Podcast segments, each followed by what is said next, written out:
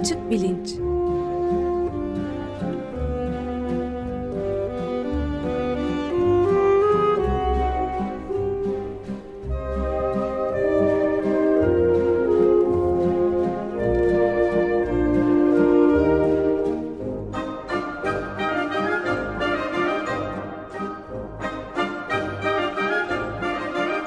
Güven Güzeldere ile bilim ve felsefe sohbetleri.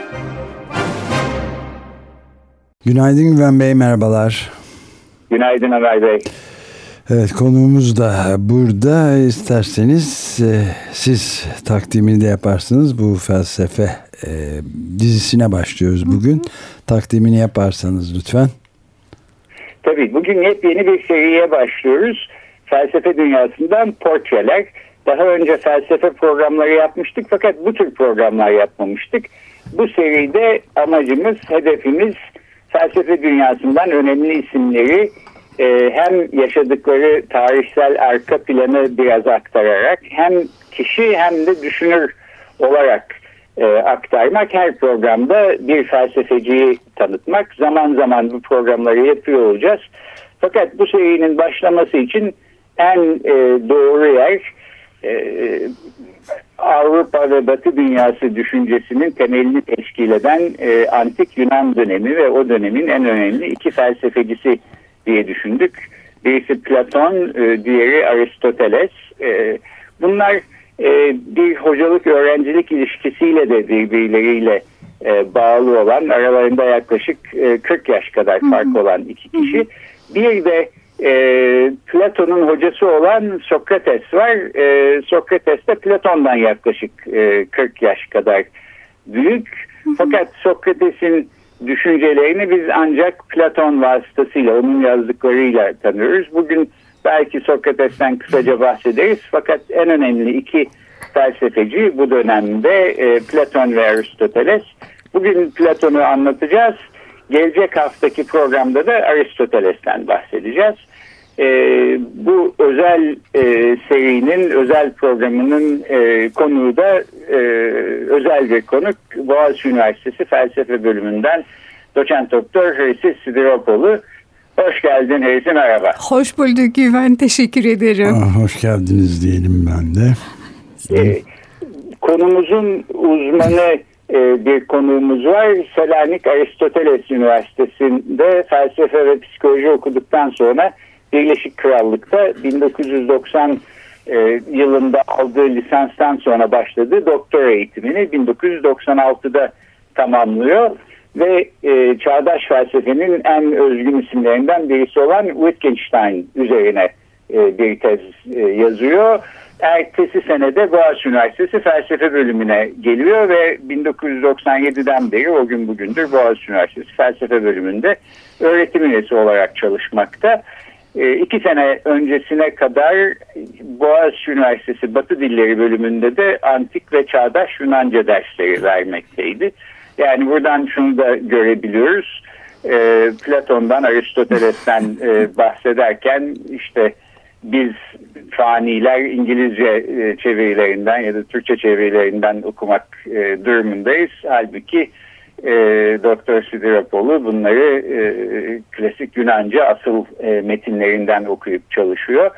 E, çok geniş e, ilgi alanları var. E, felsefenin en başından en e, sonuna kadar e, pek çok konuyla ilgili Profesör Sidiropoğlu antik çağ felsefesi, orta çağ felsefesi, e, olduğu kadar e, günümüzde az önce bahsettiğim e, Wittgenstein çağdaş felsefenin önemli konularından dil felsefesi, zihin felsefesi ve psikoloji felsefesi biraz da din felsefesi e, ilgi alanları arasında. E, 1998, 2004 ve 2018'de Finlandiya'nın Turku kentindeki Abo Akademi Üniversitesi'nde de e, ziyaretçi araştırmacı olarak bulunuyor. Wittgenstein üzerine araştırmalar yapıyor ve e, seminer dersleri veriyor. E, ben de kendisine en son galiba 5-6 sene önce e, idi e, Harvard Üniversitesi'nde bir konuşma vermeye geldiğinde e, görmüştüm. Daha önceden de tanışıyoruz ama son e, görüşmemiz galiba o zaman olmuştu. E, bu programın açılışı için e, harika bir konukla birlikte olduğunuzu söyleyebilirim. Ben şimdi sözü e, Profesör Sidiropolu'ya bırakmadan önce bir de Özdeş Özbay'a merhaba demek istiyorum. Özdeş oradasın değil mi? Evet buradayım. E, merhaba biz geçen e, önceki hafta Can Tombil'le e, vedalaştık. E, açık Gazete'de geçen hafta bir devir teslim töreni oldu biliyorsunuz. E, Özdeş ben de sana e, Ömer Bey'in e, Açık Gazete partneri olarak uzun soluklu verimli bir açık e, radyo kariyeri diliyorum. Hoş geldin. Çok teşekkür ederim.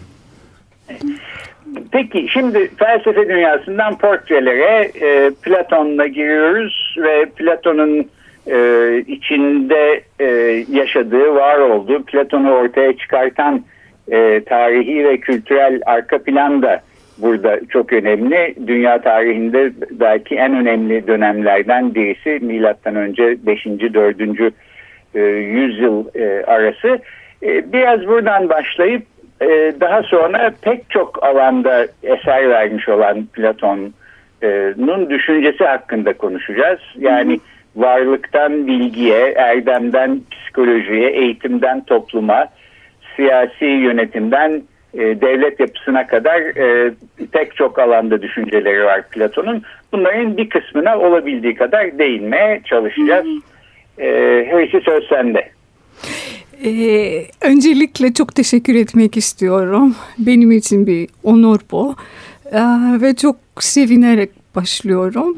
Ee, bence ilk başta biraz tarihi e, çerçevesinden diyelim e, konuşalım. Bu şekilde Platon'un Sokrates'e e, ilişkisini belki de biraz daha net bir şekilde görebiliriz. Sen de dediğin gibi onlar bir e, hoca öğrenci ilişkisinde, ilişkinin içerisinde. Şimdi Sokrates 469'da e, doğ, doğmuştur. E, ve 70 e, sene sonra idam edildi. Şöyle çok önemli bir dönem var bence. 480 ve 430 arasında yani Pers savaşların sonundan başlayan Peloponnes yani iç savaşın e, patlamasına kadar yaklaşık 50 sene var. E, barış içinde yaşıyorlar Atınalılar. O zaman bir kente yaşam biçimi çok belirli bir e, şekilde e, yaşıyorlar. Ve tabii ki e, demokrasi dediğimiz şey o zaman şekil alır. Ama tabii ki e, bu da felsefe için çok etkileyici bir süreç oldu. Ve en mühim hareket e, şofistlerin hareketi idi diyebiliriz. Şofistler eski ahlaki e, ve siyasi değerleri tamamen e, hani e, değiştirmek istiyorlar, sorgulatıyorlar. Yani bunların arasında Protagoras ve Gorgias sanırım önünde gelen e, isimler. Şimdi Protagoras'ın e, göreceliliğini biraz e, konuşalım. Belki de çok az çok herkesin bildiği Protagoras'ın e, her şeyin ölçüsü insandır e, dediğini biliyoruz. İşte Sokrates'in hiç e, doğru bul, bulamadığı ve hiç kabul etmediği bir e, öğreti bu. Yani ahlaki değerlerin e, bireye veya e, topluma veya çağa göre e, değişici e, öğretisini e, her zaman kın, kınıp onun e, karşısına e, çabalıyor. Kınayıp yani. Evet, evet. evet.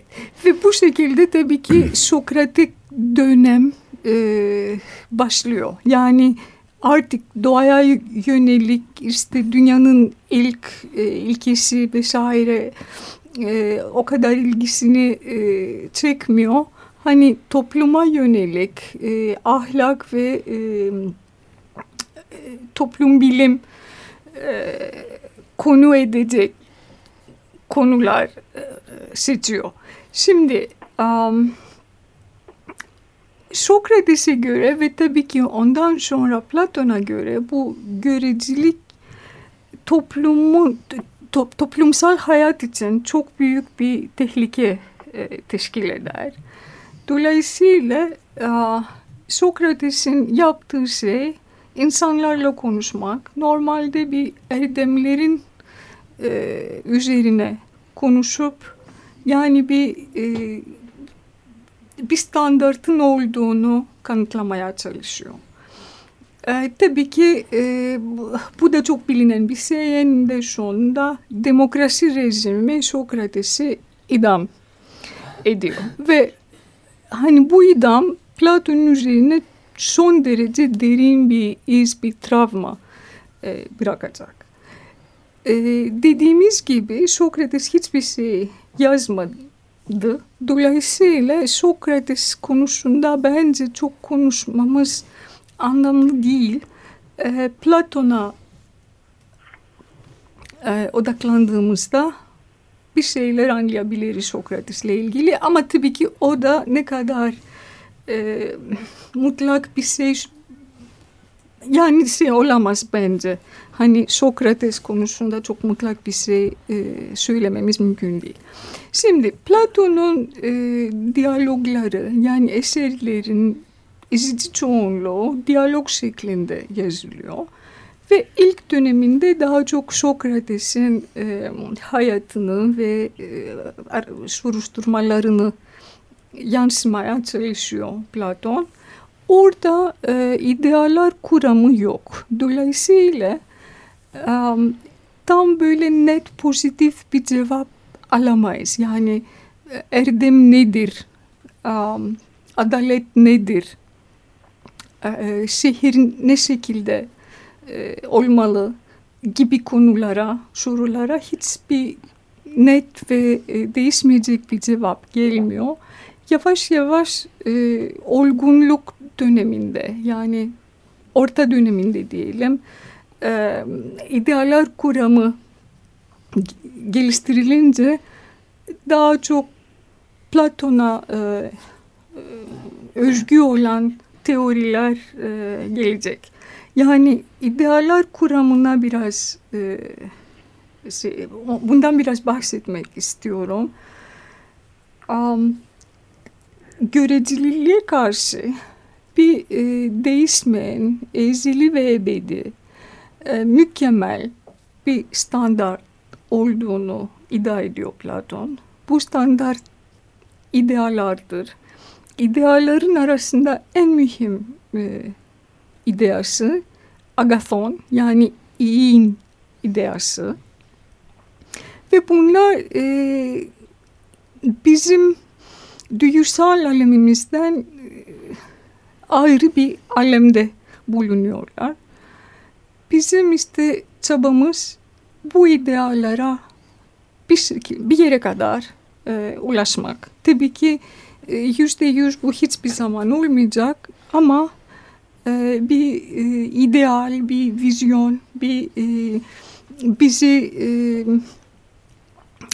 yönetecek değil de hani bir yol açacak bir e, varlık olarak orta, ortaya koyuyor e, Platon. E, iddiaları e, öğrenmeden, bilmeden zaten bilgi kazanmak kazanmamız mümkün değil. Bir bilgi ve sanı arasında e, kalacağız. Ben de şöyle bir şey ekleyeyim izninle. Ee, geçen hafta ve ondan önceki hafta da matematik üstüne konuşuyorduk. Hı hı. Orada hı hı. E, gündeme gelen sorulardan bir tanesi mesela matematiksel doğrular e, keşif midir, icat mıdır evet. sorusuydu. Hı hı. E, benzer bir soruyu Platon'un ideaları için de sorabiliriz. Hatta matematik felsefesine bu soru Platon'un düşüncesinden ödünç alınarak e, geçiyor. Yani e, mesela iyinin ne olduğunu merak ediyoruz. İyi insanın e, kendi icat ettiği ve e, kendi yaşadığı kültürel döneme göreceli olan bir kavram mıdır? Yoksa Platon'un dediği gibi e, keş, icat edilecek bir şey değil, keşfedilecek bir şeydir. Çünkü e, sonsuzdan beri vardır. Biz bir şekilde e, onu felsefi yöntemlerle arayıp e, bulabiliriz. Buna benzer bir şey savunuyor galiba değil mi? E, Plato Aynen. E, konumda. Aynen öyle ve bence bu son derece önemli. Çünkü diyelim ki bu dünyada e, hiçbir adil insan kalmazsa, hiçbir devletin, toplumun adaleti hiç kalmazsa adalet, adalet yok mu e, diye soracak Plato. Tabii ki ona göre adalet vardır. Olmazsa da hiçbir umut da yok. Yani e, tam sanırım e, sofistlere karşı en güçlü olan e, teorisi, e, görüşü bu. Evet ve aslında yani bunları bilgi felsefesiyle ilgili e, olarak düşünmek, anlamak mümkün. Fakat tabii Platon'un derdi bir tek e, soyut e, bir, bir takım felsefi önerilerde bulunmak değil, bunları son derece pratik meselelere, ahlakla ilgili, senin de dediğin gibi değil mi, siyasetle ilgili, devlet yönetimiyle ilgili meselelere bağlamak üzere düşüncesini böyle çok çok kapsamlı ve birbirine bağlanmış e, düşünce parçaları şeklinde geliştiriyor. Evet bence bu da çok önemli bir nokta. Çünkü günümüzde mesela epistemoloji çalışan insanlar e, çoğu zaman e, bilgi ve sanı yani episteme, Platon'un episteme dediği ve sanı doksa e, dediği iki e, şeyden e, bahsediyorlar. E, aradaki farkı üzerine konuşmaya çalışıyorlar ama o hiçbir zaman daha kapsamlı, daha etiği, daha insan hayatını e, ele alacak bir soruşturma, e, bir felsefi soruşturması değil. E, bunu sanırım hiçbir zaman unutmamamız lazım. Platon'a göre e, kesin olan herhangi bir bir şey, bir ahlaki bir bir, bir var bir varlık içerecek.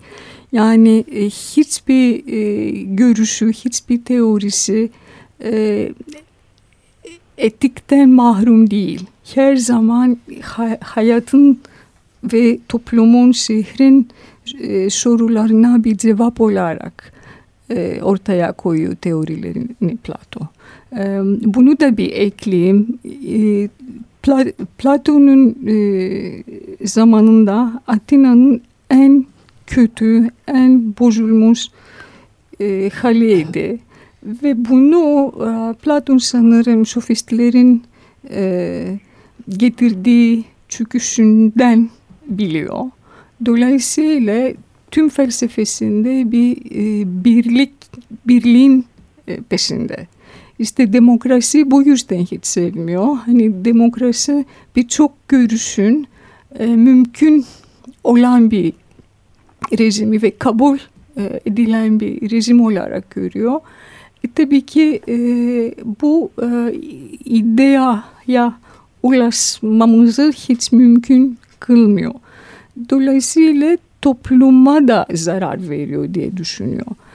Um, yani hiçbir zaman Platon'un e, epistemolojide veya işte varlık biliminde e, bir e, etik e, boyutu eksik değil diyebilirim. Evet, e, hocası Sokrates'in de idama mahkum edilmesi yine böyle işte sözde ahlaki bir sebeple olmuştu değil mi? Atinalı gençleri e, işte e, ahlaki olarak yoldan çıkarmak evet, falan öyle. gibi bir suçlama sonucunda. Öyle Bunu da aslında en e, canlı şekilde öğrencisi olan Platon'un yazdığı diyaloglardan bir tanesinde Faido isimli ya da ruha dair diye de bazen çevriliyor. E, diyalogdan e, biliyoruz. Orada e, Sokrates işte etrafında öğrencileri e, olduğu halde e, hapishanedeki hücresinde son bir konuşma veriyor. Ruha dair e, bir takım felsefi görüşlerini de paylaşıyor. Ve sonra baldıran zehirini içerek E, ölüyor. Bunun e, Platon üstündeki etkisi de e, sen de diyorsun ki aslında hayat boyu Platon'un düşüncesi e, üstünde sürmüş. E, bence Phaedon e, en önemli diyaloglarından biri. Çünkü orada Platon'un beden ve ruh teorisini de görüyoruz. Ee, ona göre hani Sokrates'in ağzıyla tabii ki bunu ortaya koyuyor. Ee, ölüm bedenin ruhtan pardon ruhun beden, bedenden ayrılmasından hmm. ibaret ve bunu gerçek filozof zaten e, tüm hayatı boyunca e, arzulayıp buna hazırlanmalı. Yani felsefe e, felsefe yapmak e, ölüme hazırlanmaktan ibaret bir şey. Peki bu biraz çarpıcı bir iddia. Ee, hani ne e, anlatmak istiyor Platon? Bence ölüm idealara daha çok yakın olmamızı sağlayacak. Dolayısıyla ruh ve ideallerin arasında bir benzerlik olduğunu iddia ediyor. Yani ruh da ölümsüz ve saf yani bedenin kirliklerinden ve hani bu duygusal alandan aldığı etkilerinden kurtulup tam e, idealler gibi olabilir. Um, dolayısıyla evet, orada bir... aslında Pardon sözünü kestim. Çok iyi oldu çünkü gelecek haftada Aristoteles'ten bahsederken üstünde duracağımız konulardan bir tanesi bu ruh kuramı olacak. Ee, Platon'a göre bedenin niteliklerinden bir tanesi değil ruh beden öldükten sonra ruh var olmaya devam edebiliyor. İşte bu Faydon e, diyaloğunda bunu e, bu temelde öğrencilerinin üzülmemesini gerektiğini de söylüyor Sokrates onlara. E, Aristoteles'te pek böyle değil. E, ruhla beden arasında daha e, bir bağımlılık e, ilişkisi var. Bunlardan e, bahsedeceğiz. Fakat bu ruh konusunun e, antik Yunan döneminde ve genel olarak e, antik dönemde bir hayli önemli olduğunu görüyoruz. Ta Homeros'un destanlarından hı hı. başlayarak e, ruha atıflar var. Fakat burada ruh diye çevirdiğimiz kelimenin aslında Türkçe'de can, can. E, kavramına yakın geldiğini daha sonra Hristiyanlık felsefesi ve onu izleyen düşüncelerle gelişen ruhla aynı şeyden bahsetmediğimizi de herhalde hı hı hı. E, bir dipnot olarak e, belirtelim.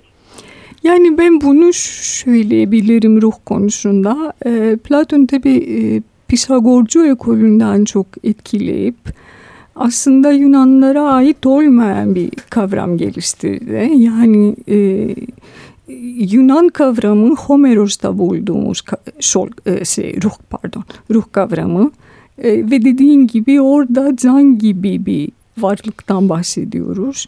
Yani bu o, Homerik İonyalı gelenek daha çok Aristoteles'e getiriyor bizi. Aristotelesçi geleneğinde ruh e, doğal bilimin e, konusu oluyor.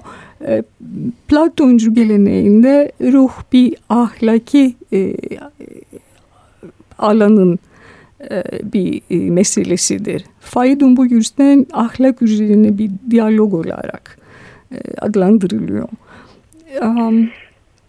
Bir siyasette... Peki buradan da biraz bu sosyal kuramlara geçelim mi? Yani evet. belki arada bahsetmemiz gereken bir mağara alegorisi falan evet. var ünlü. Evet. Fakat pek onlara vakit tamam. e, belki Evet tamam. birkaç dakikamız kaldı çünkü. Devlet hakkında ne dediği e, çok önemli. Ütopya üstüne söyledikleri var. Evet. E, çağdaş felsefeciler arasında Karl Popper gibi insanları hı hı. E, etkilediğini biliyoruz. Belki e, kapatmak için e, programın son bölümünde bu e, böyle şeyleri konuşsak ne dersin? E, tabii ki. E, devlet bence Platon'un felsefesinin ana eseridir tabii ki. Ve orada e, demokrasiye karşı olduğunu görüyoruz. Neden karşı olduğunu biraz epistemolojisinden de anlayabiliriz. Çünkü de, demokrasi 90 e, diyarı diyebiliriz. Yani filozof kral niye devleti yönetmeli? Çünkü sadece o ideallara özellikle iyi e, iyinin ideasına ulaşabilir. Çok uzun bir e, eğitimden e, geçtikten sonra. Yani devleti üçe böl bölüyor Platon. E, muhafiz e, muhafizler yani yönetim diyelim. Sonra güvenlik askerler ve ondan sonra üretici halk. Yani orada tüccar olabilir, sanatkar olabilir. Ee, ve işte devlet ne zaman adildir, adalet ne zaman olacak? Ee, ak, aklı daha çok güçlü olan insanlar muha, muhafiz olduklarında.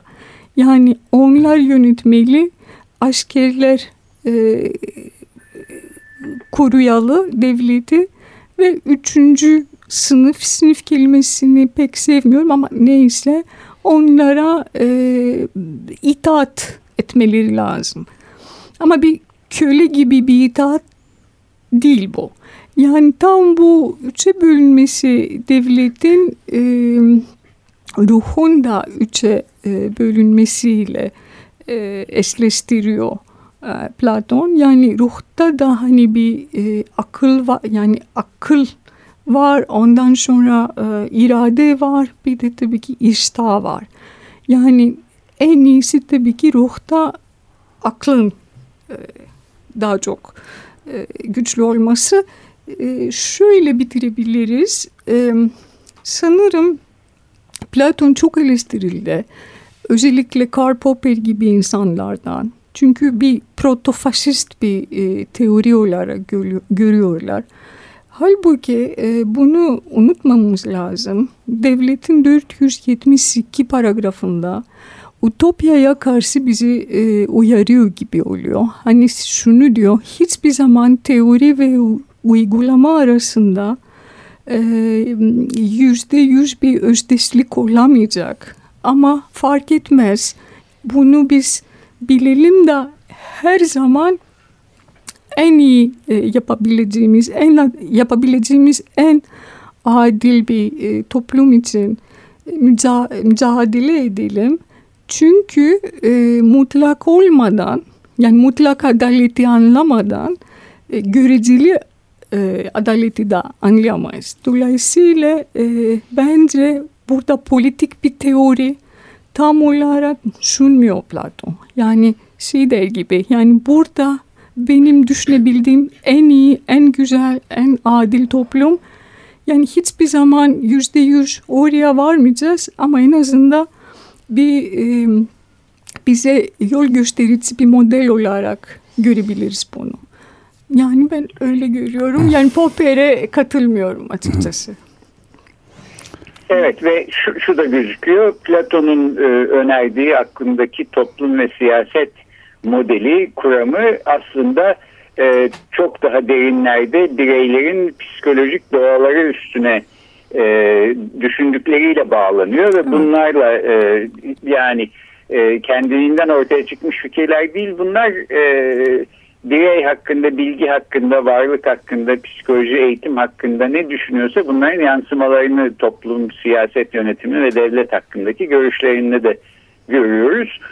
Bu geniş kapsamlılık ve sistematiklik benim çok etkileyici bulduğum bir şey. E, Platon'da da öyle, Aristoteles'te de benzer bir durum var. Ondan da gelecek hafta bahsedeceğiz.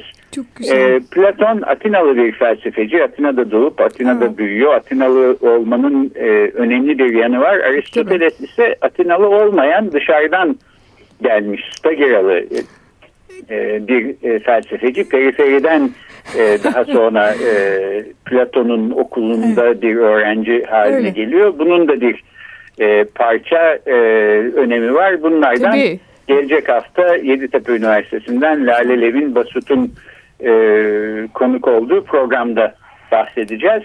Bugün ama konumuz felsefe dünyasından portreler serisinin ilk programında e, Platon'u ve hocası Sokrates'i anlatmak üzere Boğaziçi Üniversitesi Felsefe Bölümünden Doktor Heysi Sidiropolu'ydu.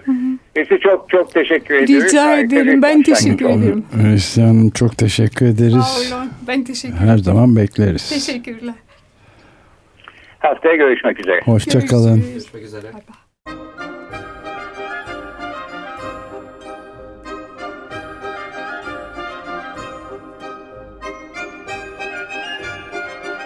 Açık bilinç.